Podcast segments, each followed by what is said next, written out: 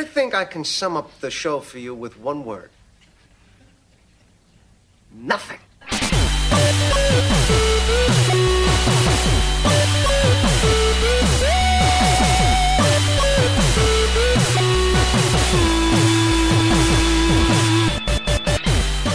Då mina vänner vill jag hälsa er välkommen till den första säsongen och det första avsnittet av det vi kallar nya skitsnack. Som egentligen bara heter skitsnack. Men som vanligt så är det då jag, Anders Brunlöv och Samson Wiklund. Hallå Samson. Hallå hallå. Som håller i de här äh, trådarna eh, och spakarna och ja, Skype-samtalen som, som grundar eh, podcasten Skitsnack. Hur är läget? Det är fint. Jag är ju djävulusiskt trött, men det, det beror på mitt hektiska arbetsschema. Men jag är på... Det, det, går bra nu. Men vad bra. Ja, det är så här... Det spännande på jobbet och Fyrkant har börjat rulla. Och jävlar vad kul det är. Alltså, jag har peppat hela veckan på att gå och spela in igen. Ja, För det var så roligt liksom. Ja, det vart ju väldigt, väldigt varmt mottaget. Det var extremt kul att se. Ja.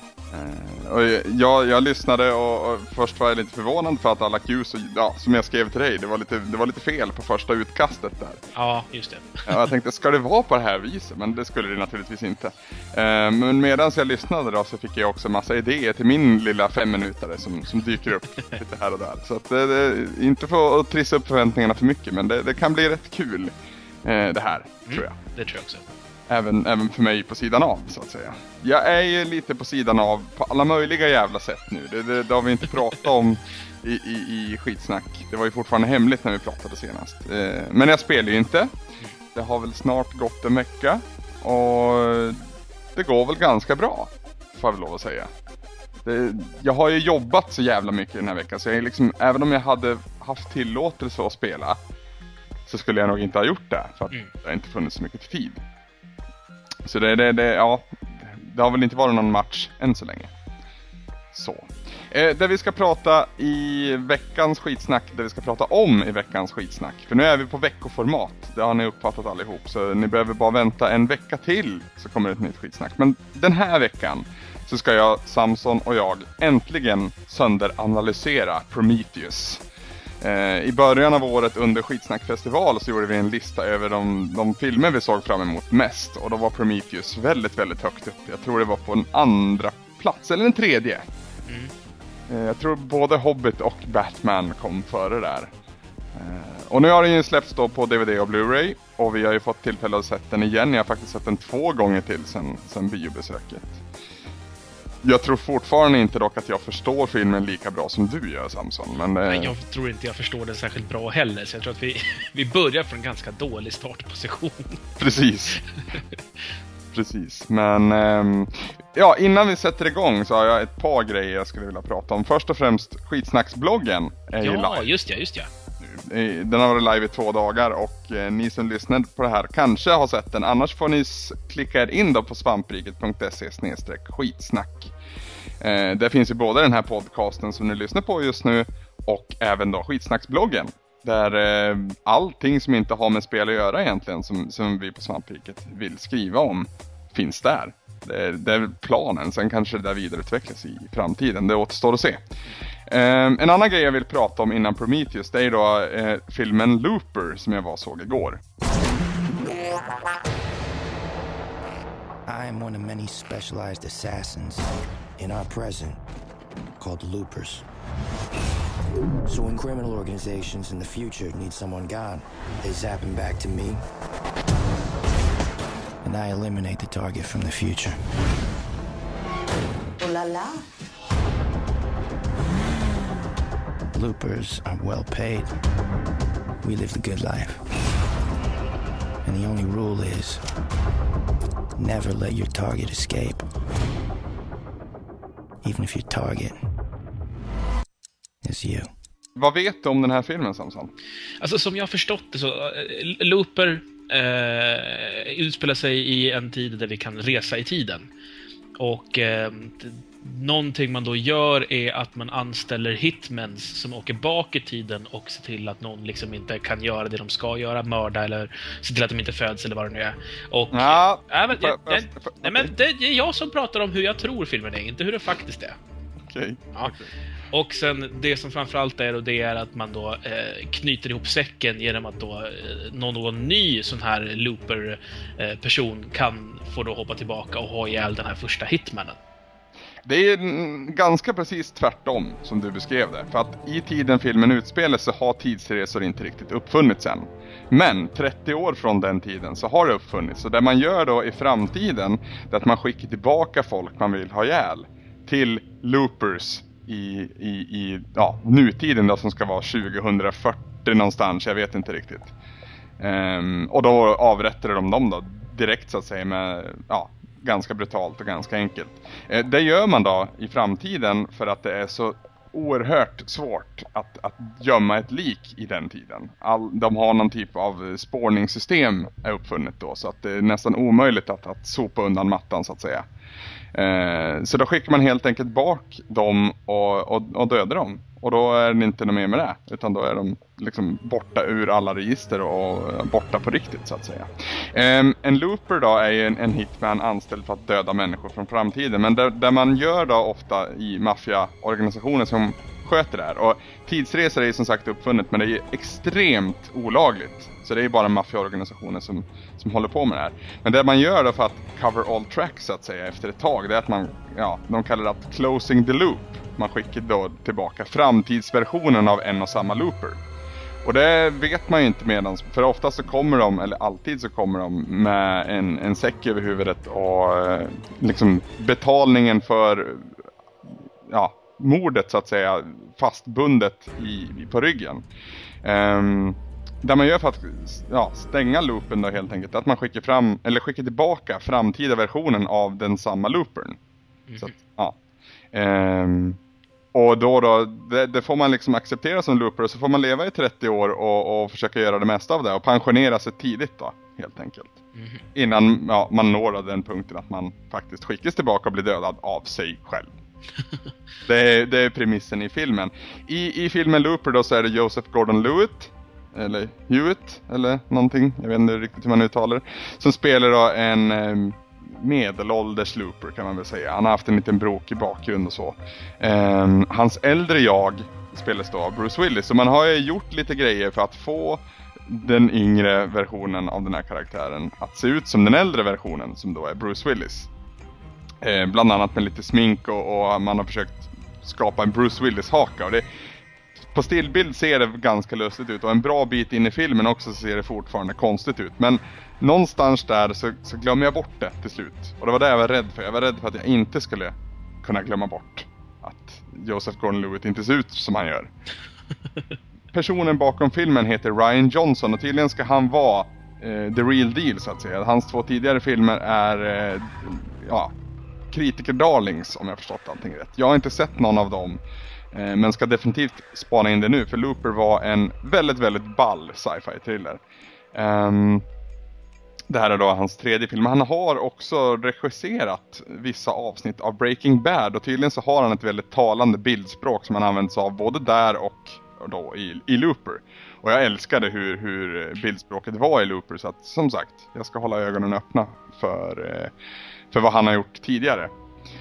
Um, det man gör bäst i Looper om jag får mala på lite, det är att man tar verkligen begreppet med tidsresor och leker och, och gör snygga grejer med det. Um, det finns ju vissa tillfällen då en, en framtida looper faktiskt lyckas undgå eh, sin, sin, yngre looper då, som ska ha ihjäl personen. Det här blir jättesvårt att förklara men eh, vid ett tillfälle då tidigt i filmen, det här är inte så mycket spoiler över det här, så, så, för att kommunicera med varandra så skriver den yngre versionen rister in på armen till den äldre loopern. För att det är samma person och man är fortfarande bunden till varandra så. Um, man delar också vissa minnen och så det, det, finns en teori där som jag inte ska gå in alldeles för mycket på.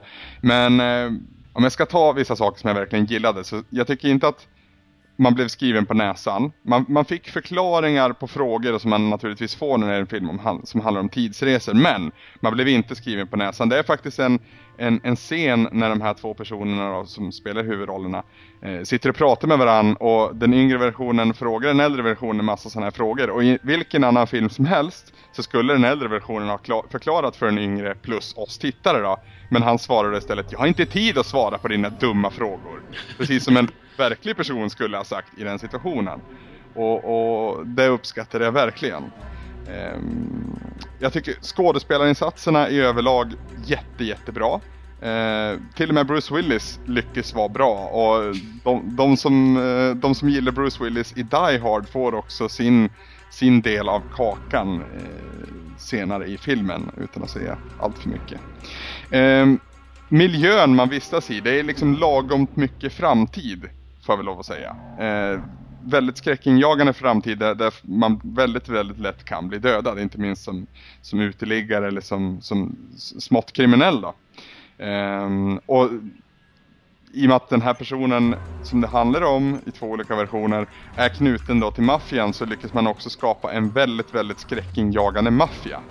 Eh, nu har jag tappat namnet på han som spelar mot Jim Carrey i Dum och Dummare. Vad heter han Samson? Uh, eh, Jeff Lloyd, något sånt? Jeff... Ja, någon, någon, någon, ja, Jeff från Lloyd, Dum och Dummare. Lloyd, uh, Lloyd Bridges, är det han? Heter han inte Jeff Bridges då? Men Jeff Bridges, det är ju Tron. Ja, just det. Just det. Ja, Lloyd, jag tror, ja, det kan vara Lloyd. Tänk om vi hade någon slags verktyg att söka upp information med på ett snabbt sätt. Han spelar i alla fall en, en eh, maffiaboss som har blivit skickad eh, från framtiden för att sköta dessa loops så att säga, dessa avrättningar. Eh, gör en fantastisk insats den lilla tiden han faktiskt är på, på vita duken och eh, jag, jag, jag gillade han skarpt. Och det finns sådana här små saker överallt som man verkligen älskar. Till exempel eh, den yngre versionen av huvudpersonen börjar Eh, titta sig i, i hårbotten och ser att han börjar tappa hår. Det är fantastiskt roligt för där, där har inte Bruce Willis ens presenterats som, som den äldre versionen än.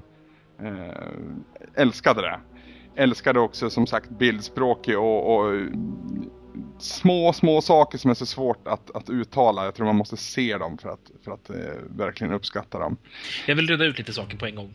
Mm. Jeff Daniels heter karln. Jeff Daniels. Lloyd Bridges är han som spelar presidenten i eh, eh, parodifilmerna med Charlie Sheen. Vad heter de nu igen?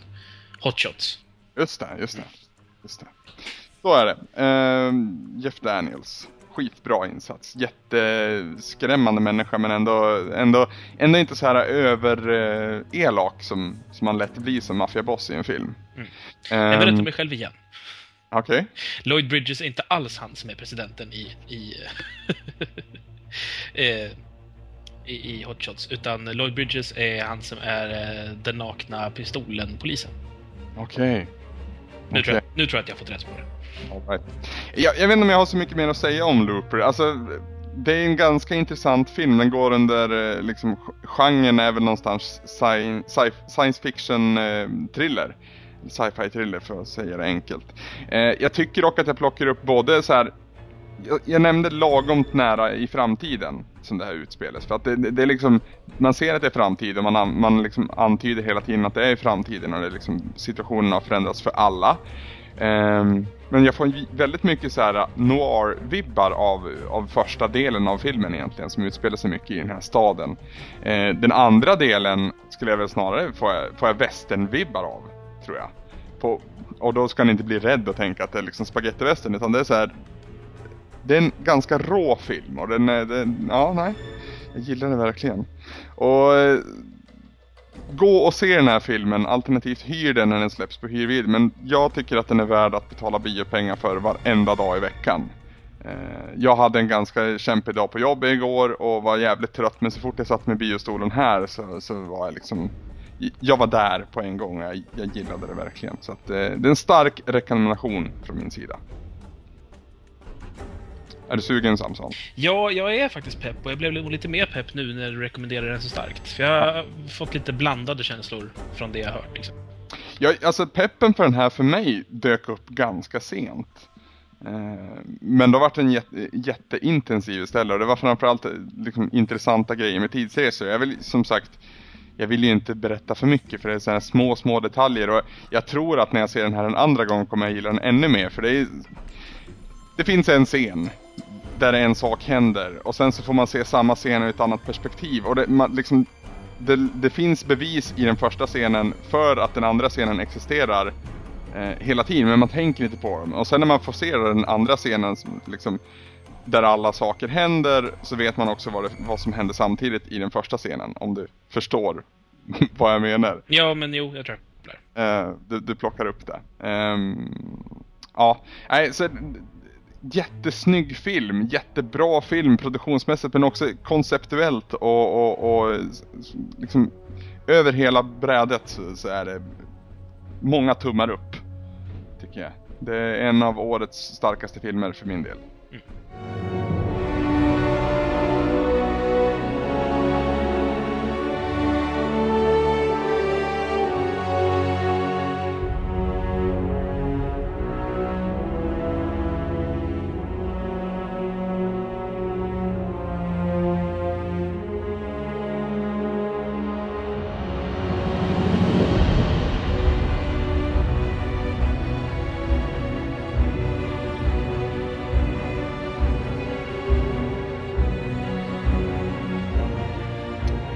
En av årets mest hypade filmer var ju Prometheus. Ja, äntligen. Yes, nu är vi där. Ehm, då vill jag fråga dig först Samson. Hur kände du när du gick hem från biobesöket första gången? Alltså första gången så var jag... Inte överväldigande positiv, men jag hade en, en ändå en mestadels positiv känsla för filmen. Mm. Eh, det fanns många frågetecken, det fanns många, aha, men det här då? Eh, lite hål som jag tyckte mig uppleva eh, i, i berättelsen och sådär. Många saker som jag inte förstod vad de betydde och eh, det känns som en film som är, den balanserar mellan att vara liksom väldigt så här, representativ i att den, den, visar vad som faktiskt händer och ibland så känns det som att det mer är så här, det du får se är en symbol för vad som faktiskt händer. Eh, ibland. Och jag tycker att den har svårt att balansera i vad det är riktigt den vill vara. Um, och det är också mycket för att filmen är så himla splittrad. Jag tycker första halvan av filmen, om man, jag vet inte exakt var liksom tidsgränsen går, men i princip typ eh, ja, fram till abortscenen. Ja, det, jag har pratat med så många om den här och det är just vid abortscenen så är det en brytpunkt och efter det så blir det väldigt många frågetecken. Det är fortfarande väldigt mycket bra efter den där scenen. Mm. Eh, by the way, för, förlåt, men vi kanske ska sätta en stor jävla spoiler alert för, ja. Eh, för, den, här, för den här kommer vi sönderanalysera. Till skillnad från Looper. Eh, så har ni inte sett Prometheus så bör ni se den innan ni lyssnar på det här. Ja, eller om ni inte bryr er så kan ni fortsätta lyssna i alla fall.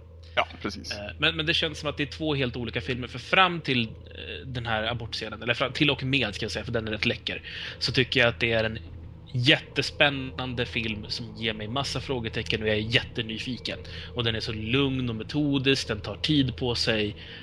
Och sen så direkt efter den här abortscenen så blir det en halvbra sci-fi actionfilm som går i 180 tills till slut. Ja, och där är du inne på någonting som jag tycker är filmens absolut största problem. Nu ska jag säga det här på en gång, jag gillar fortfarande filmen. Jag tycker den, det, det liksom, jag vill inte ta tillbaka, jag vill inte ha pengarna tillbaka när jag går hem från bion. Eller när jag köpt Blu-rayen. Men eh, förväntningarna är så stora när vi pratar om Ridley Scott och när vi pratar om Alien-universumet. Mm. Um, men största problemet är tempot. För det börjar, precis som du är inne på, fram till, ända fram och upp till abortscenen så är det så här perfekt tempo för en sci-fi, liksom sci-fi mys riktigt. Man, man bara sitter bara oh, ge mig mer, ge mig mer, ge mig mer. Och, ja, men och den är krypande och suggestiv och den, är, den liksom lägger upp allting så himla bra. Och man verkligen, den masar sig fram och tar sig tid att vara liksom stillsam. Precis. Och sen så är det någon som kommer åt turboknappen tre gånger ungefär och så blåser man förbi hur mycket som helst och saker händer som, som är liksom man inte hinner få svar på eller riktigt korkade saker ibland också. Mm. Uh, vi kommer väl komma in på det. Uh, alldeles innan vi tryckte på räck nu och började spela in veckans avsnitt så sa jag liksom, fattar du introscenen? frågade jag dig. Och då gav du ju en, en, förklaring för mig som jag inte riktigt hade tänkt på. Ja, alltså, jag, jag trodde det var den som alla utgick ifrån. Uh, ja, det, det är det... väl bara jag som är korkad. Nej, men det, det är också vad, vad, jag har sett när jag har läst andra människors texter om Prometheus.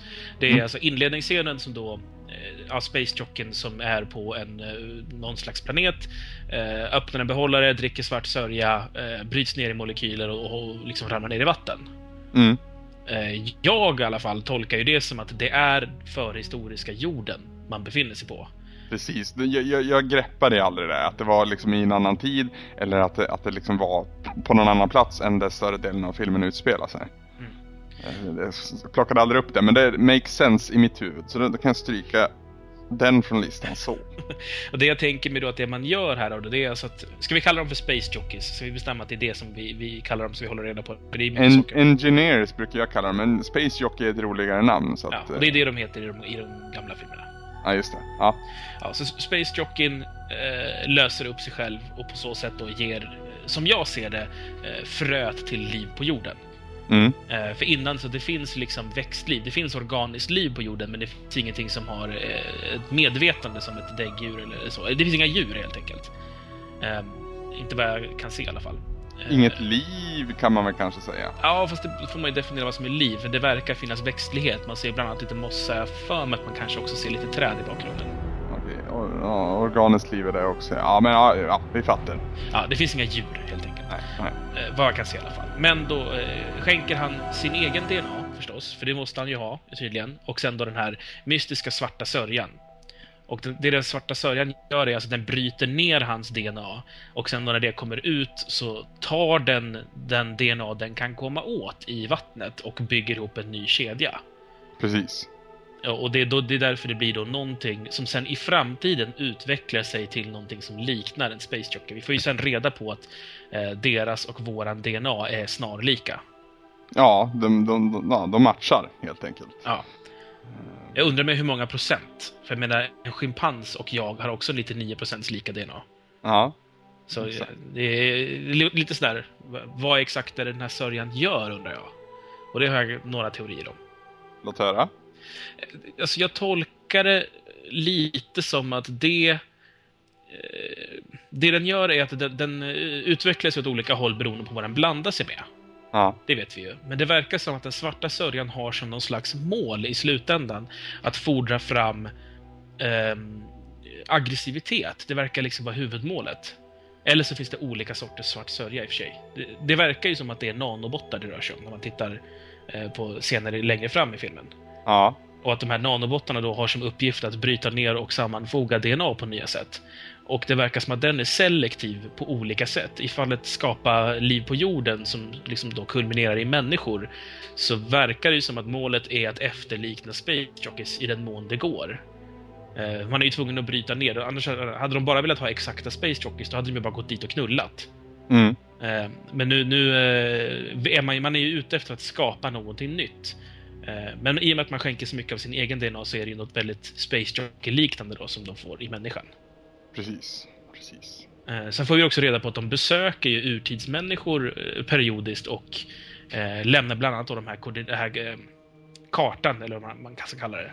Ja, det som öppnar i hela filmen egentligen om vi bortser från det här introt vi är inne på. Så, eh, ja, de, de, de här eh, grottritningarna eller vad man ska säga. Mm. Ja, som, som Nomira Pass och hennes man då hittar precis. Hennes man som är så vansinnigt lik Tom Hardy så jag blir irriterad. Ja, jag blir lite irriterad på honom som stort, men det kan vi komma ja, till senare. Jag har jättestora problem med han också. Han är så jävla överentusiastisk. Men eh, han är en jazzmänniska. Ja, och så har han så här tre fjärdedels jeans och är så slappt jävla eh, vetenskapsman. Så, nej, usch. Ja, det, det är också så här. Han, är, han ska ju vara någon slags, jag vet inte, så här, scientist with a surfer attitude. Ja, exakt. Och jag tycker det går så Bohemisk jävla som bort. fan. Ja, alltså han är, han är som en typisk sån snubbe som eh, jag vet inte, för papp, mamma och pappas dyra pengar köper en ganska fin lägenhet i den fula delen av stan och tycker att han lever så här. Jag lever där kulturen finns. han, är, han är en sån som har en CD-växlare i bilen som han spelar klassisk musik på och tycker att han är jävligt kulturell. Sen Ja. att det är så här greatest hits of classics som han köper på postorder från typ Ginsa. Jag är helt med dig på Ja, den. får jävligt dåliga vibbar av den snubben. Ja, ha- ja. Jag, fattar ju att han ska vara entusiastisk. Det är liksom det största upptäckten män, mänskligheten har gjort, pratar man ju om. Mm. Så, men jag tycker som skådespelare också, alltså han, han, är, han, är, han ser ut som Tom Hardy och därmed ser han bra ut. För Tom Hardy ser bra ut. Men alltså... Jag har problem med både karaktären men sen tycker jag också skådespelaren spelar över. Det är svårt att särskilja vad det är jag ogillar just där. Om det är karaktären som är så överentusiastisk eller om det är skådespelaren som spelar över. I vilket fall som helst, I don't like it. Ja, han är väldigt Kalix. Ja, ja, ja. Nu har jag köpt Gabriel Carling så nu måste jag släppa det. Inte jag. Om vi går tillbaka till början då och, och förbi själva öppningsscenen med, med grottor och eh, liv på jorden så är vi sen på skeppet Prometheus och med vår, min i alla fall, älskling Fassbender som, Mm. som gör en sak. Och där finns det en sak som jag verkligen älskar av hela mitt hjärta. Och det är när han cyklar och spelar basket. Och det är en sån snygg passning till, till tidigare filmer. Och liksom här är en android eller en robot eller vad du vill kalla det. så- Som liksom, han, han cyklar och bara kastar basketbollen och den sitter. Jag älskar det. Jag Jag undrar blir hur många tagningar de var tvungna att göra. Ja, precis. Eller om det är så här special effects. Det är, egentligen en animerad basketboll.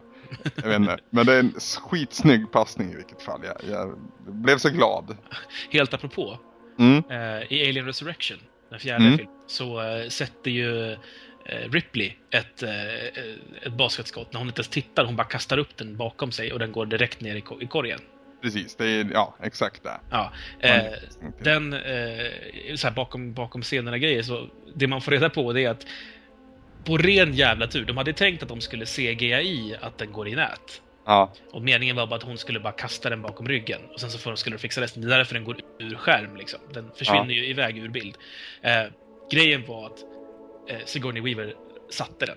ja och det det många av reaktionerna. Hon flinar ju och så där. Och det är ju- och liksom, jag vet jag såg något klipp som troligtvis är från extra materialet på Youtube. Mm. Eh, där man liksom ser kameran fortsätta rulla efter den, den klipper i filmen. Och liksom folk jublar ju och skriker för att det kunde ju liksom aldrig hända. Nej, och det är så synd då att de har framat det så att man inte ser bollen hela vägen. Att man, man tror ju att det är trickfilmat liksom. Precis. Ja. Skitsamma, tillbaks till Prometheus.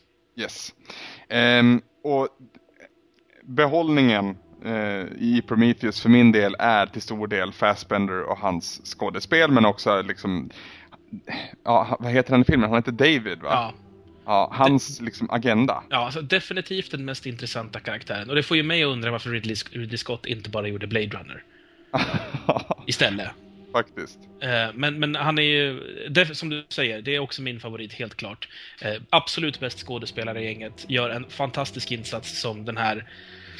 Eh, alltså den liksom gentleman butler-roboten som så uppenbart har känslor.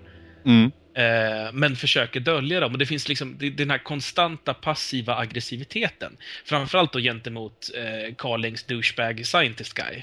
Mm. Som hela tiden ska pika den här roboten. Det är som att liksom han är någon form av så här robotist.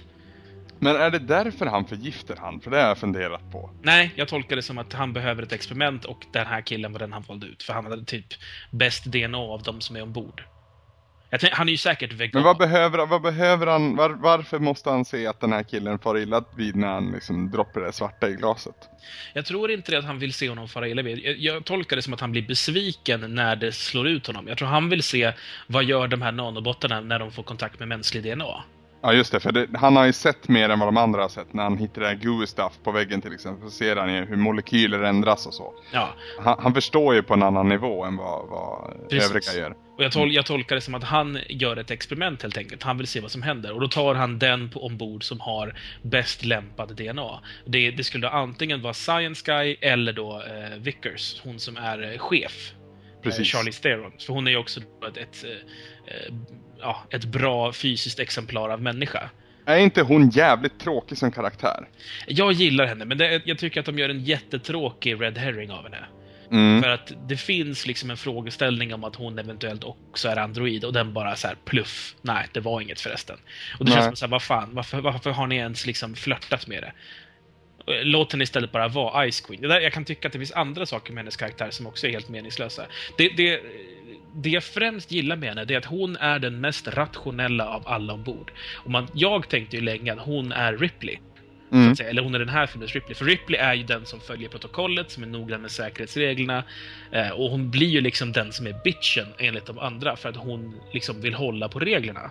Mm. Och samma sak gäller med Vickers. Hon är ju den som säger nej, nu går vi tillbaka.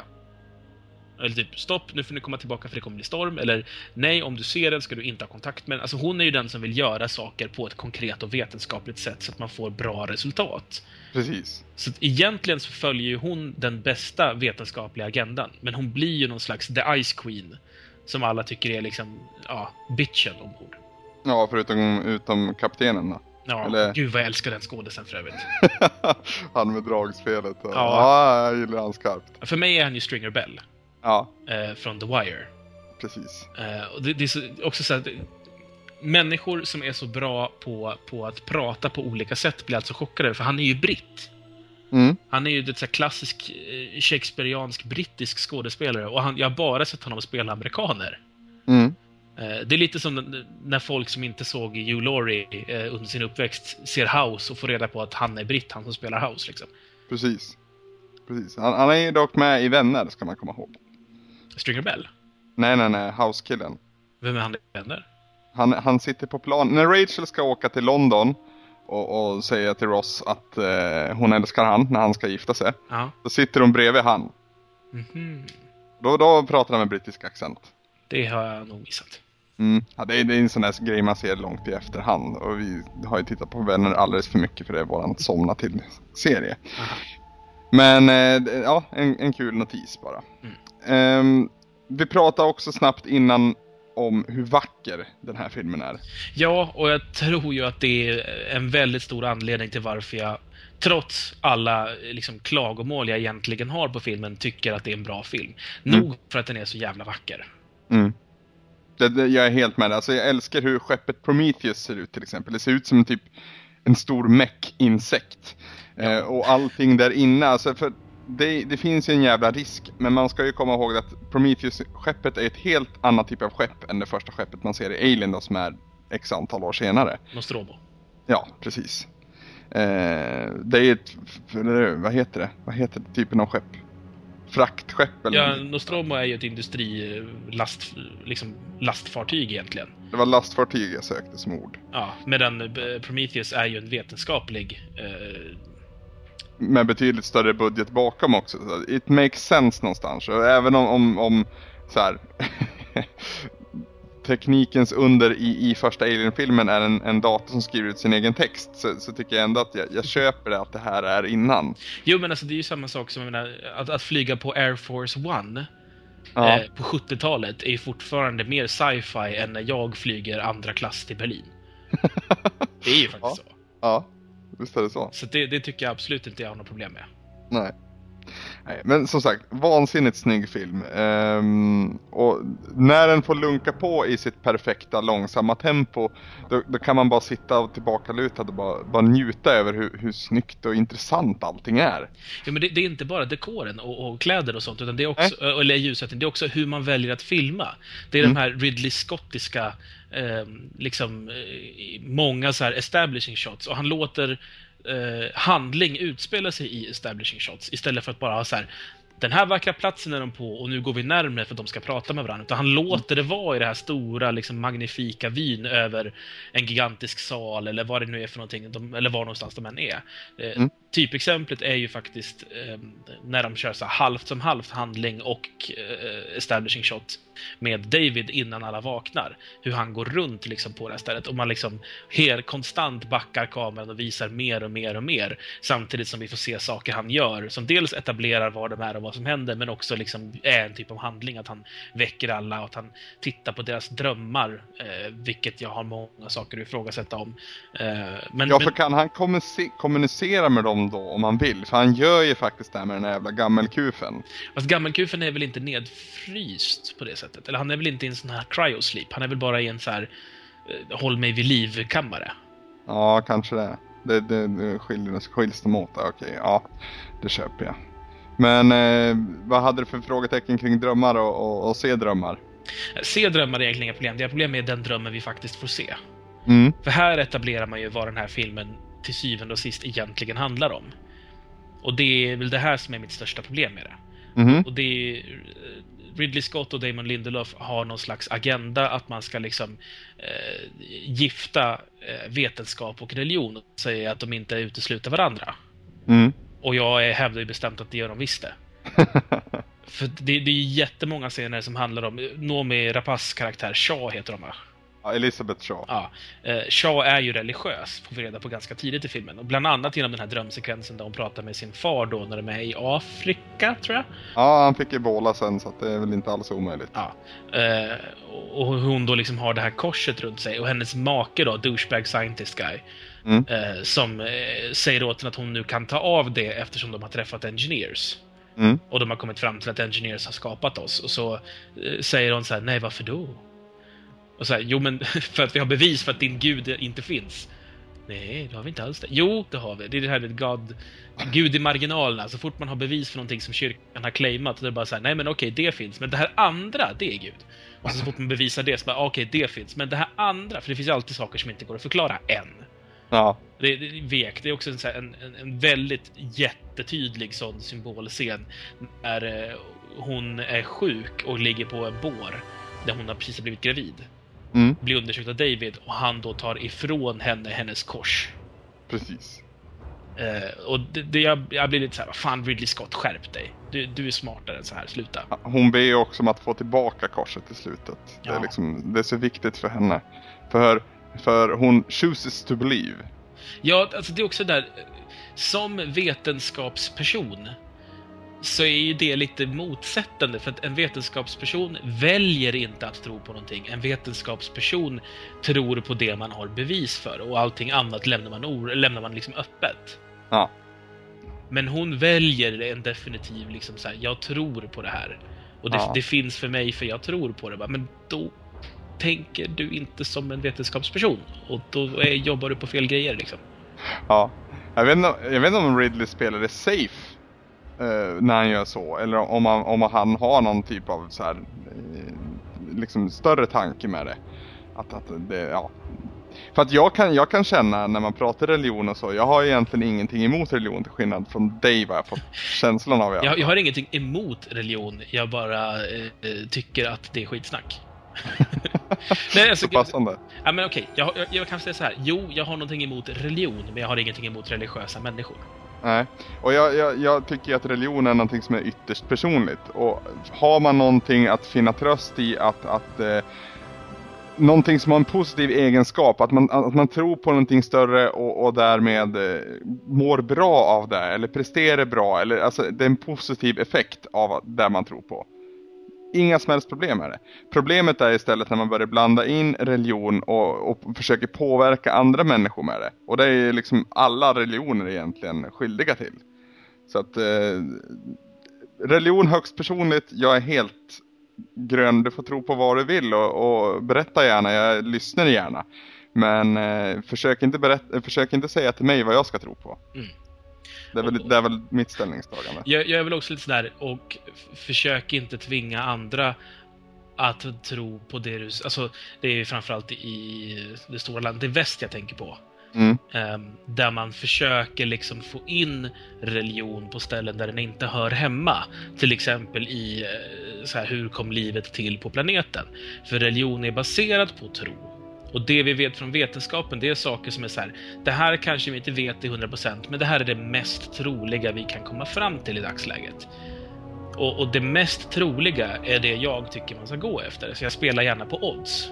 mm, Eh, Men religion skiter i odds och säger nej, vi tror på det här. Och det tycker jag, det får du jättegärna göra. Men tvinga inte alla att göra det. Det enda man kan tvinga alla till, tycker jag, om man nu ska tvinga folk till det, tänka på utbildning, eh, det är att de ska lära sig eh, vad som vi faktiskt redan vet och sen vad vi tror är mest eh, liksom, trovärdigt. mm, du förstår vad jag menar. mm, mm, mm. För, ja, jag är helt med på det.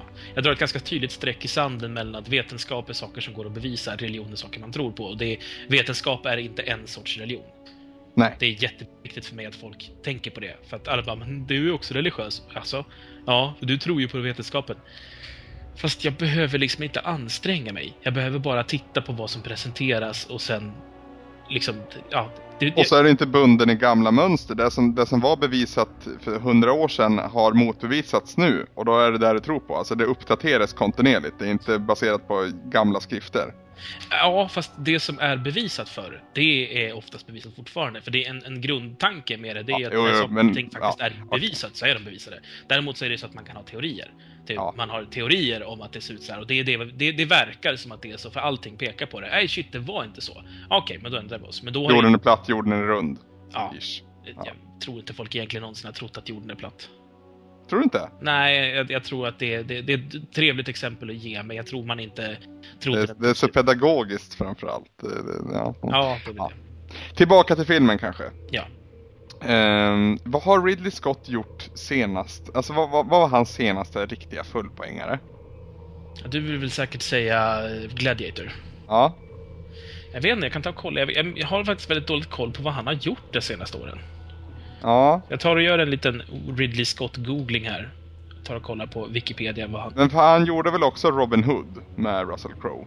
Men det, det, det, jag, jag gillade den filmen men det var ju liksom inte på, på den nivån, inte på något sätt. Den såg jag faktiskt aldrig om jag ska vara ärlig. Nej.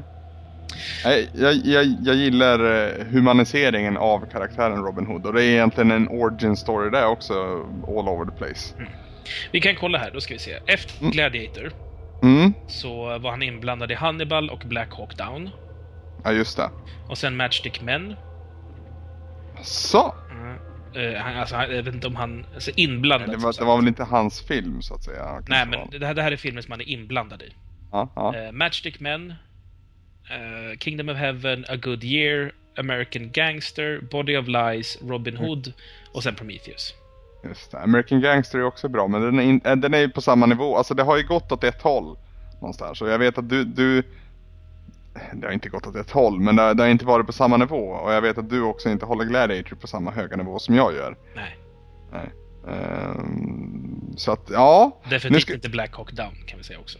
Nej, alltså jag, tycker inte det är en fullpoängare. Men jag tycker den är, jag tycker det, det är så mycket i den filmen som jag vill ogilla men jag kan inte för jag gillar det. Eh, för, för, om jag ska vara ärlig. Alltså det, för, jag är jävligt less på, på utsatta amerikanska soldater i krig. Liksom. Men eh, ändå sitter jag där och tittar på filmen och tycker den är bra. Jag ser här för övrigt på Wikipedia att eh, det är Ridley Scott som har regisserat Hannibal. Ah, Uff. Ja, det är inte riktigt... Nej. Jag, jag gillar ju den filmen, så jag struntar i vad du säger. Ja, nej jag gillar den inte. Jag, jag gillar i stort sett, nej jag gillar inte Hannibal Rising. Heller. Men Alltså, ska alltså, man både vara- Röd Drake och... Ja. Ska man vara petnoga så har han också, ligger han ju bakom G.I. Jane som är en riktig jävla skräpfilm. ja. Så att eh, han har ju inte ett fläckfritt eh, register. Nej, och ändå så har han sån hög... Alltså han är ju någonstans... Han är ju högre upp än, än vad både Steven Spielberg och George Lucas är för mig. Det kan ju ha att göra med att han ligger bakom Alien och Blade Runner och Thelma Louise. Alla tre är ju tre liksom enorma, eh, enormt viktiga filmer. Ja, på olika sätt också. Ja, det är väl det. Eh, sen är det ju mer också. Så Gladiator vann ju ändå liksom ja, 12 nomineringar och 5 vinster för Oscars. Mm. Eh, och... eh, Ja, ja, det Prometheus då är ju också förstås Men han har ju gjort mycket liksom. Hur tycker du upp... Nu hoppar vi direkt till slutet men vi kommer att hoppa all over the place. Men hur tycker du upplägget inför en uppföljare känns? Eh, Det är ganska öppet i slutet. Ja, hon... Alltså... Noomi Rapace som är ensam överlevare. Eh, målet ska väl vara då att hon ska bege sig vidare. För, eh, LV-systemet som är det de befinner sig i. Mm. De är ju på LV så här 2, 3, 1 eller sånt där. Mm. Eh, och LV426 är ju den, tror jag att i alla fall. Jag kommer inte ihåg sifferkombinationerna, men, men det är den som Alien 1 utspelar sig på. Precis. Eller det är inte hela, men det är där de hem... Där äggen finns, så att säga, i den filmen. Den Yes. ska ju befinna sig i samma system som det här. Så jag tror att tanken är att ehm, hela det här systemet är ju eh, Space Jockeys... Eh, ja, om vi säger att det är ett vapen, det de håller på med. Det uttalas också i filmen, fast det finns inte riktigt någon jättebra grund för det. Men om det skulle vara ett vapen, så är det här i så fall deras vapenfabrikssystem. Mm. Det låter ju som att Noomi Rapace kommer försöka ge sig ut och förstöra alla vapenfabrikerna. Och att det är liksom det som är hennes uppdrag i det här då.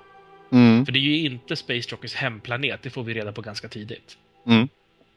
Det Eh, visste man väl innan filmen gick upp till och med. Ja, kanske. Jag tror, jag tror Ridley Scott var ganska öppen med det. Men det får mig att tänka att eh, ja, det vi kommer få se då i Prometheus 2 och 3, det är ju bland annat då hur hon besöker eh, 426 och hur hon då misslyckas eftersom där finns det fullfjädrade aliens och inte bara svart sörja. Alltså, ska jag vara ärlig, det jag skulle vilja se, i alla fall en timme in i, i Prometheus 2, eh, liksom. det, det är Elisabeth och David ombord, isolerade ute i rymden. Och bara dem. Alltså jag vill ha Michael Fassbenders huvud i en väska. Och prata med han när han är så jävla trevlig. Jag vill, jag vill ha det. Ja, jag, framförallt så vill jag se eh, långa sekvenser av undersökningar. Hur hon skrapar loss lite DNA, blandar den med svart gegga i ett liksom, eh, någon labbrör som hon då och David bevakar och ser vad som händer med. Och så, så är det långa, långa sekvenser där de liksom lugnt och metodiskt går igenom och undersöker resultaten. Ja, och precis. liksom drar slutsatser och, och får bevis för saker. Och så vi får liksom lite mer kött på benen. För den är, i typisk Damon Lindelövig stil så är den ju väldigt lös med vad den faktiskt berättar. Och, Ja. och vad som är så här, resten får du försöka lista ut själv. Ja. Eh, vi, vi, alltså, jag gillar att man eh, det, det finns ju någon slags eh, designtänk hos Space Jockeys. Hur deras egna skepp ser ut eh, har ju en väldigt specifik design, alltså de här bone chipsen. Mm. Och den designen går ju också igen i Aliens. Det tyckte jag redan när jag såg första filmen, att liksom både den här eh, liksom, eh, Space Jockey-sitsen som vi får se i, i första Alien-filmen och även resten av The Bone Chip kändes ju väldigt alien i hur det ser ut. Och jag tänkte då, när jag såg de filmerna förr, att det handlade egentligen om att då Eh, när liksom Xenomorphs, Alien Aliens, de, de vi har känt till sedan tidigare, när Mm. de tar över en plats så gör de så här med miljön, att den ser ut som så här, vet, det här svarta revbensmönstret. Liksom. Mm. Eh, men nu verkar det ju som att det är Space Jockeys estetik att ha den här stilen. För de har ju även den här eh, väggstatyn, eller man ska säga, av någonting som ser ut som en alien. Och jag tänker mig att de liksom ser upp till, det här är någon slags idealvarelse, en perfekt varelse. Ja men det har man ju pratat om och om, och om igen i Alien-filmen också, att det är det perfekta vapnet. Ja, och de, det- det känns som att de har någon slags strävan efter att antingen själva nå dit, att bli den här perfekta varelsen, eller så har de en strävan att eh, kontrollera den, eller så har, finns den någon annanstans och de har som strävan att återskapa den. Ja. Eh, Men hur som helst i alla fall, deras designtänk går igenom alltihopa det här, vilket också då får mig att tänka att den här svarta sörjan som de har tagit fram och ingenjörat färdigt, den har i sig viljan att få DNA in i det mönstret. Ja just det. Eh, I och med att de själva designar så, och de, de har ju även här nanobot-teknik i sina grejer. Det ser vi ju när, han, när David kletar på någon vägg och så för att låsa upp en dörr. Ja, exakt. Eh, Då finns det ju de här nanobotgränserna. Det, är som de, det är deras huvudsakliga teknik som de använder till allting. Och i den har de då, antingen så finns det i den från början att det är det, det, är det här svarta revbensmönstret som är liksom designen som den väljer. Eller så är det någonting de har valt att den ska göra, för det är så de vill ha sina prylar. Mm, mm. Jag är helt med på det. En sak jag tänkte säga om den här potentiella uppföljaren och det här långsamma tempot vi gärna, så gärna vill ha och det vi får till viss del i Prometheus. Alltså, en sak som jag verkligen saknar, eh, som inte heller finns i varenda Alien-film, men definitivt i första, är den här isolerade känslan. Den här eh, ensam i rymden-känslan. För att just i Prometheus så får jag verkligen inte känslan av att nu är vi på rym- ute i rymden. Utan nu är vi på en plats och det är där hela filmen utspelas i stort sett. Mm. Det, det får det i, lite i början där, men det är så jävla många ombord det här skeppet och det är så mycket, de har det så bra där. Så att, nej, den saknar jag. Och jag tänker mig att man skulle kunna få en väldigt sån vibb. Om man som, som, du, som du pratade om, låter Elisabeth och David vara ensamma väldigt, väldigt, väldigt länge. Och göra vissa, viss forskning och, ja. David blir Elisabeths sidekick, helt enkelt. Mm. Gud vad det här skulle vara bra! Ska vi ringa Ridley? kan vara vice versa också, att, att Shaw blir, eller Elizabeth blir Davids sidekick. Mm, det skulle nästan vara ännu bättre. Eh, så till, till nästa film kan också Elisabeth, eller Noomi Rapace bättra på sin engelska lite grann. Fast jag gillar det, för jag, jag tolkar det som att hon ska inte föreställa en amerikan, hon ska ju föreställa en europé. Ja, jag tror det. Jag, precis. Att eh, tanken är att hon inte ska ha perfekt engelska. Hon väljer att prata på engelska. Men hon pratar ju för sig själv vissa gånger och då, då faller det där mellan stolarna lite grann. Fast det kan ju också vara att man, eh, alltså, när jag pratar engelska med folk på jobbet, vi har jättemånga ut, eh, utländska medarbetare, så Mm. då, då tänker jag ju högt för mig själv på engelska också, för att det är det jag är van vid. Mm, okej så det, det köper jag utan större problem. Okej Kan vi prata om saker jag inte köper? Yes, Eller saker jag, jag har svårt att förstå? yes. Den här, eh, ja, vi hoppar tillbaks till inledningen. Mm. Varför i helvete måste han offra sig själv?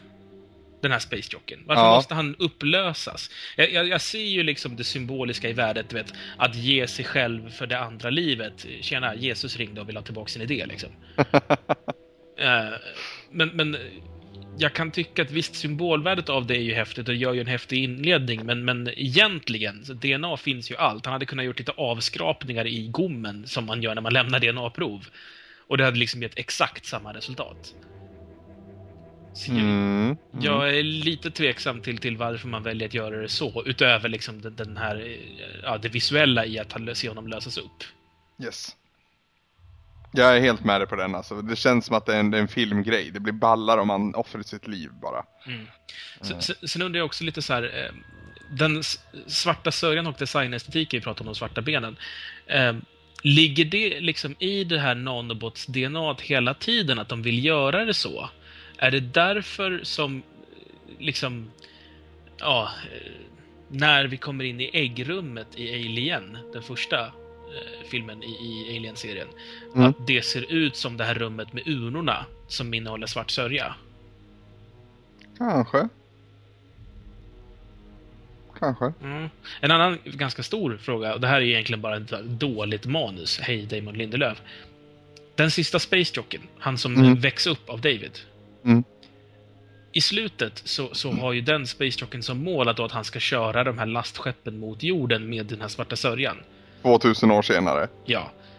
Ehm, varför ger han sig efter Shaw? Det är en sketen människa. Hans agenda borde väl ändå vara att få iväg de här urnorna mot jorden. Mm. Det känns ju jävligt mäckigt om jag ska vara ärlig. Och det är också en sån här grej som går så jävla fort. Eh, ja, som sagt, tempot. Och, eh, alltså, David ropar till Elisabeth så här. Ja, nu är han på väg till dig. Scen, nästa scen så är han typ där. Och, och i två scener senare så, så brottas han med den enormt stora facehuggern. Mm.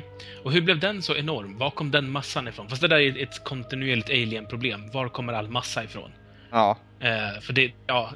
men det, det, ser, det ser man ju också. Alltså man ser ju, de växer ju oerhört fort. Jo, men, men alltså, i, I verkligheten, så för att växa så behöver du ju ha byggstenar att växa från. ja. Alltså, när man äter mat så bryter man ner proteinerna och allt vad det är och det använder kroppen för att bygga upp saker. Vad är det de här aliens äter mellan då de föds till vi ser dem som fullvuxna? Det, det Eller så behöver de inte äta så mycket för att de är det perfekta vapnet. Ja, men var kommer massan ifrån? It makes no scientific sense.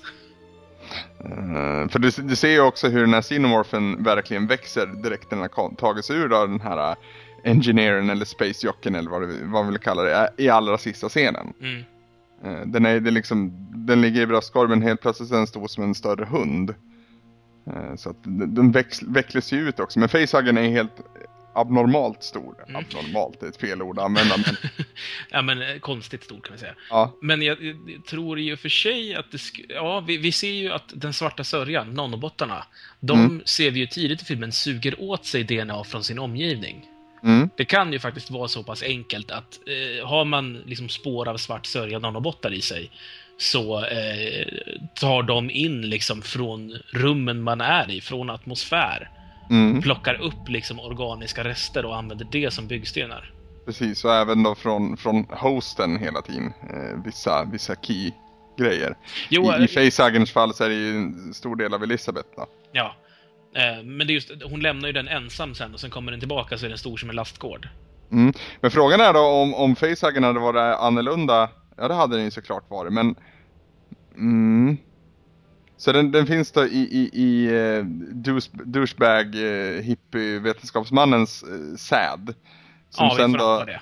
ja, så, Eller i hans slemhinnor generellt tror jag. Jag tror att det är... som på tio timmar tar sig upp då till hennes... eh, Åh herregud, ja. Hennes livmoder och sen då suger åt sig eh, ja, organiskt byggmaterial från henne så att den kan växa. Ja, Och i samband med det också då bli muterad av hennes DNA. Precis. För det är därför inte hon direkt dör av det. Hon skulle ha gjort det om inte hon hade haft den här fancy pansy maskinen Mm. till hands.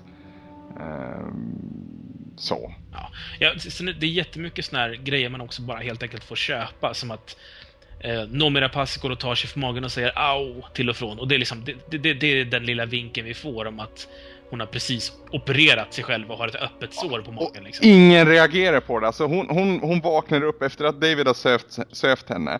Eh, så vaknar hon upp igen och, och slår ner två stycken vetenskapsmän. Och, och springer iväg och fixar det där. Och sen kommer hon tillbaka och ingen, liksom, ingen reaktion på det. Ingen överhuvudtaget. Det är David som fäller någon, någon fyndig kommentar där. Återigen så blir man jätteglad. I didn't, have, I didn't think you have it in you. alltså bara ursäkta my poor choice, choice of words. Eh, Det, var, det är roligt. Men alltså de här vetenskapsmännen som man, som man brottar ner och slår ner. Var, var- vart tog de vägen? Och, och varför händer ingenting? ja, det är många sådana där frågetecken tycker jag. Ja, Jag har många fler också, kan vi säga på en gång. det känns som att en directors cut skulle behövas. Ja. Det, kän, det känns som att man har klippt bort för mycket från, ja, från abortscenen och framåt. Mm. Jag har också en annan frågeställning, som jag vill säga. Mm, Eh, Du tänker att du befinner dig på en plats. Du har radiokontakt med någon slags central. mm, På centralen så finns det en tredimensionell eh, modell av platsen du befinner dig på. mm, Eh, det finns också indikatorer om exakt var du befinner dig i realtid i den här tredimensionella modellen. Eh, du är till yrket geolog och därmed också bekant med liksom all form av stenformationer och liknande. Fast du känner behovet av att yla när du släpper iväg dina puppies. Ja, det är han retards-grejen. Ja, Ja, bad guy scientist, så jävla tråkig trope. som röker på i, sin hjälm. Ja. Ja. Hur går man vilse Ja, med det här? Och vad har Jas, äh, heter han, Janik, eh, kaptenen på skeppet, den svarta killen? ja, ja vad har egentligen han för ond jävla plan som är så douchebagig mot folk? Han ser ju att de, alltså han har ju direkt videolänk med dem, han vet var de befinner sig. Varför låter han dem gå vilse för? Eh, och när de har liksom, de har ju konstant radiokontakt, visst, och vi får se också att de har radiokontakt trots den här stormen. Det är ingen big deal. De kan fortfarande kommunicera mitt i den här stormen. Mm. Ändå så, så, så säger han inte till dem att hörni, ni, ni borde gå vänster här. Och han har också så direkt att han ser att de står vid typ en hög av döda space jockeys som de liksom är lite skrajsna för. Men han bryr sig inte om det. Nej. Och de är liksom superduperskrajsna. Plus att de är vetenskapsmän som tydligen har verkligen, verkligen på sig skygglapparna. Bara sagt, nej, jag bryr mig om stenar. Det är allt jag bryr mig om. Aliens, det får ni ha. Nu går jag hem. Jag kollar på stenar. Det, det, det är, det är så här, liksom nyfikenheten som borde finnas där finns inte. Och sen den andra killen då som var, han är biolog och sånt där. Mm. Han bara, nej, allt är dött. Nu skiter jag i det här. Men så jobbar man inte. Nej, jag, jag har någonstans där vad han heter, men alltså han blir ju en zombie sen. Den här äh, tjommen. Mm, Är det, vad heter han? Ha, inte Holloway utan uh, Happy Laff eller sånt där heter han. Ja, eh, Firefield heter han väl? Ja, så kanske det var. Ja, eh, och just att han blir zombie och kommer till skeppet och, och, och det, det är startpunkten egentligen för allting dåligt i, i Prometheus. För det är alldeles i samband med abortscenen också. Det, det, även där går det alldeles för fort och man, det, liksom, det, finns ingen, det finns ingen bättre tanke med det att han, han kommer dit och är farlig helt plötsligt och Mm. står i en konstig pose när han är utanför. Det känns som någon Hollywood-producent bara såhär, nej, jag får lite action. På Ja. tionde sida vill jag ha ett actionmoment. Precis. Precis. Eh, och, och där kan jag också, eh, också så här chockad över liksom just karaktärsutvecklingen. Från nej, jag är så rädd så jag går härifrån trots att jag är en biolog och egentligen borde vara superintresserad av att undersöka det här stället. Till liksom en kvart senare, nej men titta vilken söt liten livsfarlig maskkobra.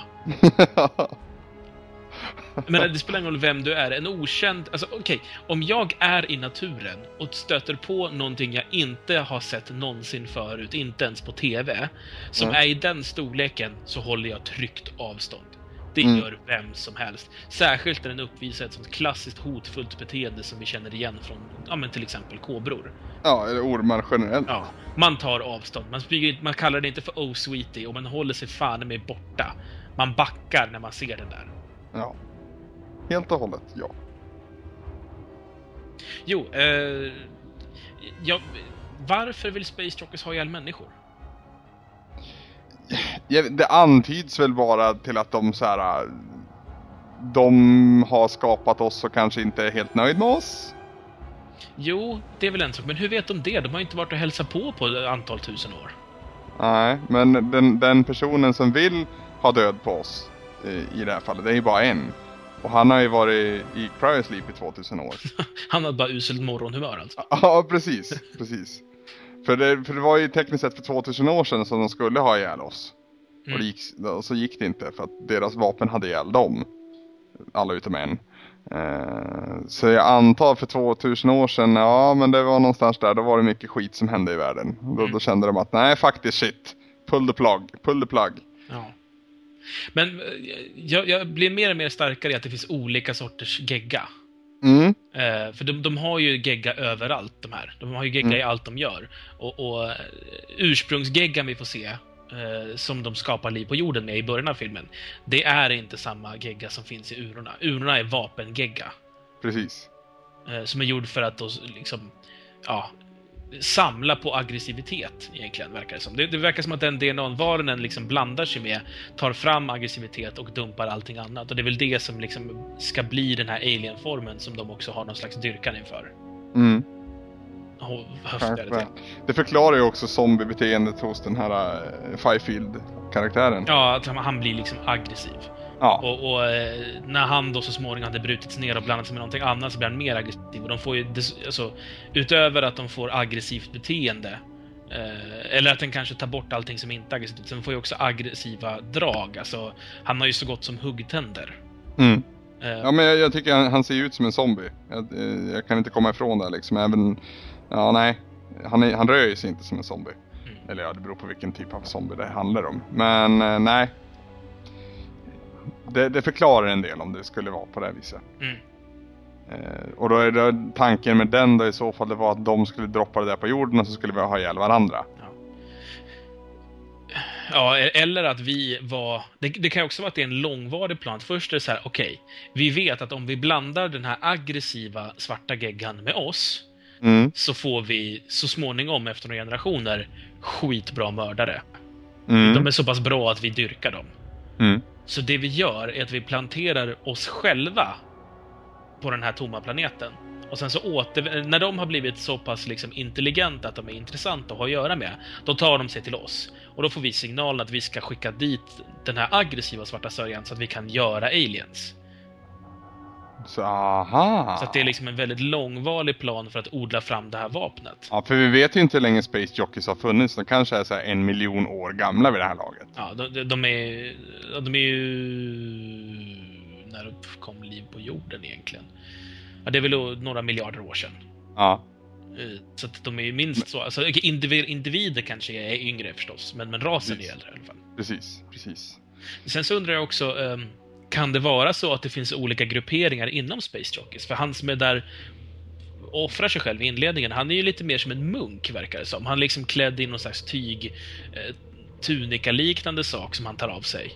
Mm. Eh, medan då de här andra som vi möter, de är liksom lite mer roughnecks, verkar det som. Mm. Eh, Military men. ja, alltså jag funderar på om det här, om det här kan vara liksom någon slags egentligen typ så här Space Pirates, du vet, the bad guys från den här rasen. Eh, och- Som ska, som ska skapa liv för att kunna skapa vapen. Nej, tvärtom. Alltså att eh, någon slags så här eh, jätteciviliserat samhälle som är så här, du vet, goody two shoes, älskar alla, vi klär oss i munkkåpor och sjunger Kumbaya. De skapar liv på jorden på ett väldigt harmoniskt sätt. Offrar sig själva i det här liksom poetiska eh, och skapar liv. Och sen så har den här andra gruppen av Space Jockeys, de som har kommit och besökt oss några gånger, de har den här planen att de ska skapa vapen av oss. Mm. Att det är så här, så kan det vara. Ja, så att, vet, vi, har, vi har fixat den här svarta sörjan och det går att göra skitbra vapen. Man behöver en snubbe och svart sörja. Fan, vi, det är inte så jävla enkelt att få tag på snubbar. Men du, den där planeten som de var på. Där finns det ju snubbar som är som vi. Kan- Kan vi inte bara gå dit med olja till dem? Det är skitbra. Vi sätter ett gäng gubbar på det. Ja. Det, det skulle jag kunna köpa faktiskt. Det skulle inte vara helt förvånande om, om premissen är så. Det skulle täcka upp en hel del luckor också. Ja. Men rent produktionsmässigt på filmen annars, stör inte du dig på alla de här förklarande och dumma kommentarerna? Så här, nu ska de landa, så här, ja här kan ni inte andas, det här ska andas genom ett avgasrör. Här, alltså, måste de verkligen säga det? Jag, jag stör mig så jävligt och folk pratar med sig själv och det, det är så mycket sånt där skit som, som inte borde finnas med. Mm, det är bara så här förklarande. Det Det heter... känns lite avatar över alltihop liksom. Ja, alltså det, det finns någon Hollywood-term för det där som jag glömt bort vad det heter. När man trans någonting. När man egentligen bara ska så här, det här måste vi berätta. Det måste få det undanstökat. Mm. Och så blir det bara att man liksom rabblar upp det som vi tittare måste ha koll på och sen så kan liksom fortsättningen komma. Precis. Det känns, det är mycket sånt. Det, alltså egentligen är det ju här för många filmer i en film. Ja, jag tror det. Det hade ju nästan räckt att göra en eh, mycket mer poetisk film som i princip då tar slut ehm, Ja, alltså egentligen ganska så direkt efter vi ser de första symptomen på douchebag guy. Alltså, Om Alien och Aliens hade varit en, en och samma film. Mm, det hade varit skitjobbigt att kolla på. Ja. Så Eller jag, hur? Ja, så jag säger, gör en film som är två och en halv timme lång, som tar slut när douchebag guy får sina första symptom. Och det är så här. typ, Den slutar med ett så här tada, som ett, och nästa gång får vi se vad som händer. Kan Michael Bay regissera den? Nej. Eh, eh, jag vet inte, jag, känns, jag, alltså jag har vissa anteckningar kvar här. Jag har faktiskt renodlade anteckningar av en bläckpenna på ett papper liksom. Mm, men låt höra. Eh, eh, nej men alltså onödiga repliker, prata med sig själv, det, det tog jag alldeles nyss. Sen det här när, när skepphelvetet kraschar och Elisabeth och, och, och, och ja, Charlize Therons karaktär, jag tappar namnet på henne. Vic någonting, Vickers. Ja, springer ifrån så att de inte ska bli pårullade. Varför springer de i riktningen skeppet rullar? Jag har också tänkt på vad är det för jävla spån? Jag menar, Elisabeth ramlar och rullar typ en meter och klarar sig men eh, Victor som, som springer i 100 meter till, hon dör ju. Och så ligger hon och håller för upp armarna bara nej, nej, nej, snälla. Som att skeppet är liksom...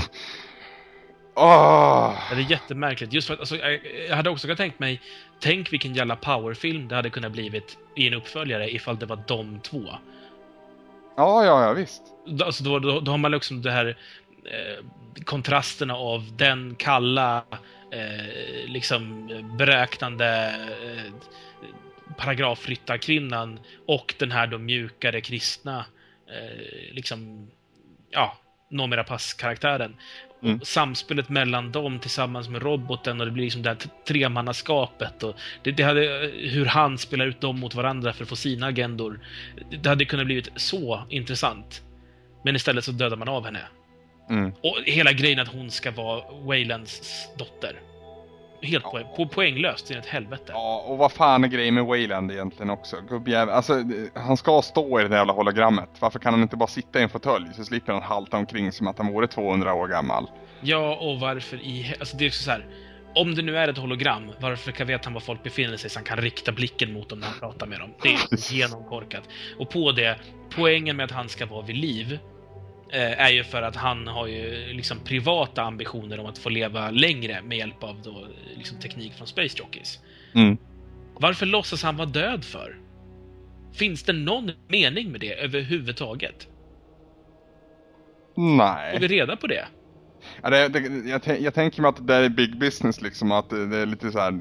Det ser illa ut om en person som är 99 år gammal ska åka och försöka leva i 99 år till. Så det, därför off, officiellt så är de där för att eh, un, undersöka. Men hans egentliga plan är att förlänga sin, sin livstid. Ja, vekt. Ja, ja, ja, det är absolut. Men det, så, så skulle jag tolka det. Ja, men det, det är ju inte Wayland AB liksom. Det är väl ett privatägt företag vad det verkar. Ja, ja. Fast det är inte så långt in i framtiden så jag menar det kanske inte eh, Alltså i framtiden kommer ju företag att härska världen, inte, inte presidenter och sånt. Ja. Men va- varför är...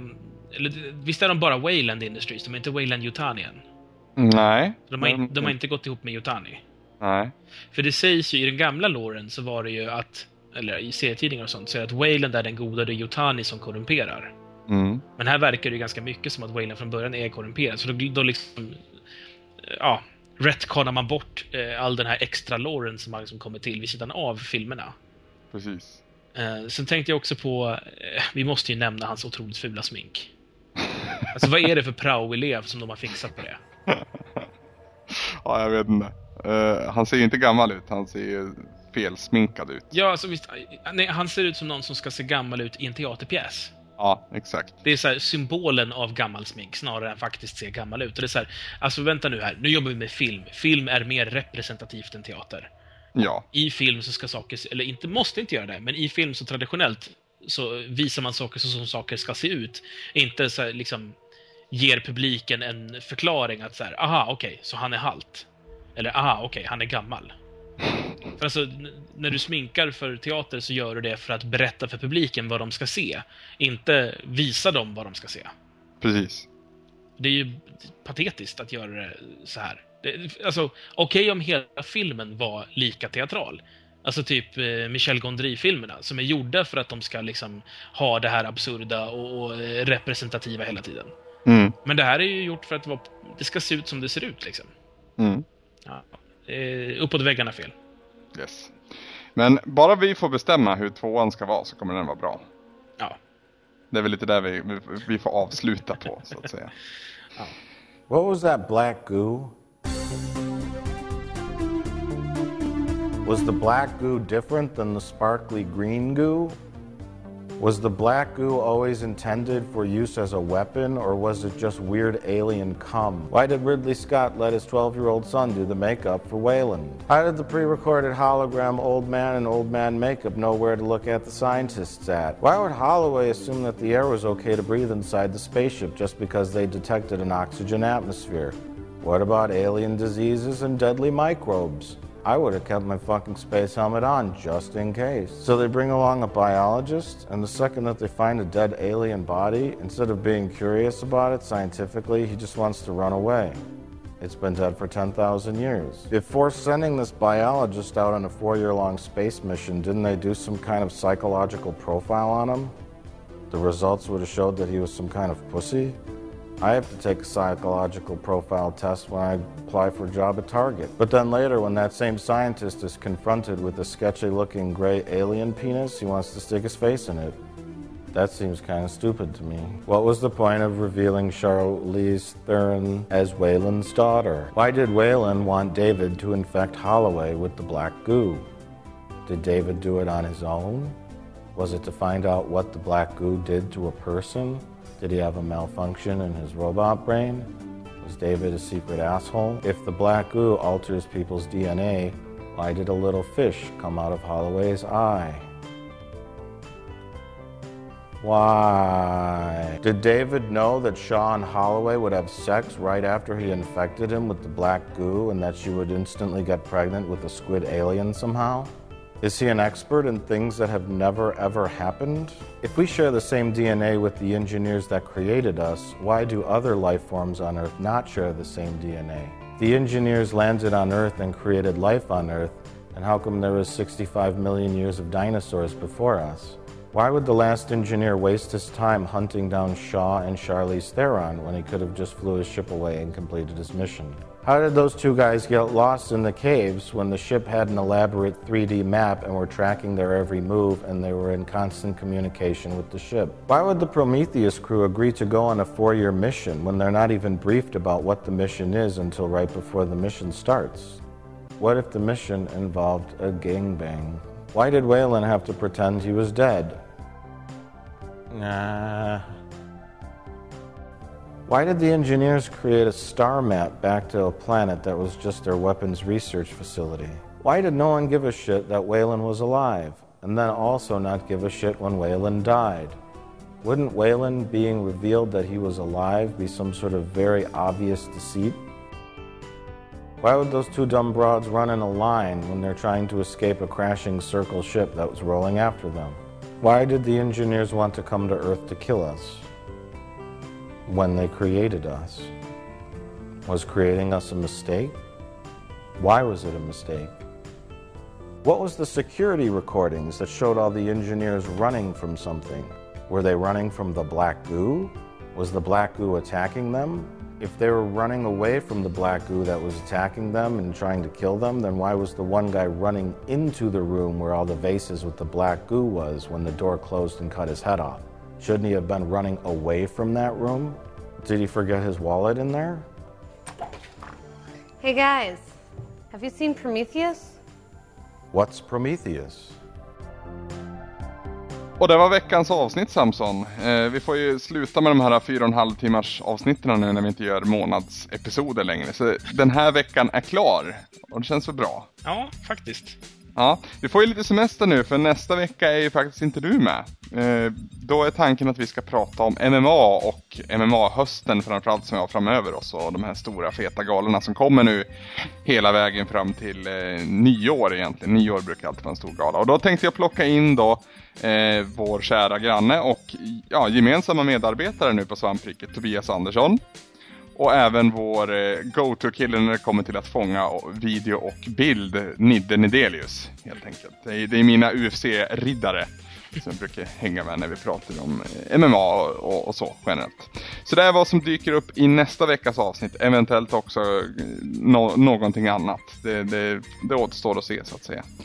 Så vi får väl helt enkelt tacka för den här veckan. Berätta gärna vad ni gillar det här nya formatet, vad ni skulle vilja höra mer av och eh, ja, hur ni gillar skitsnackbloggen. Kommentera och eh, twittra och allt möjligt. Twittra gör man till Brunlof eller Samson Wiklund. Jajamän. Det, det, det ska ni kunna vid det här laget. Och för att avsluta som jag brukar vilja avsluta i alla fall då, så får väl jag säga att jag heter Anders. Jag heter Samson. Och det här, det var bara skitsnack.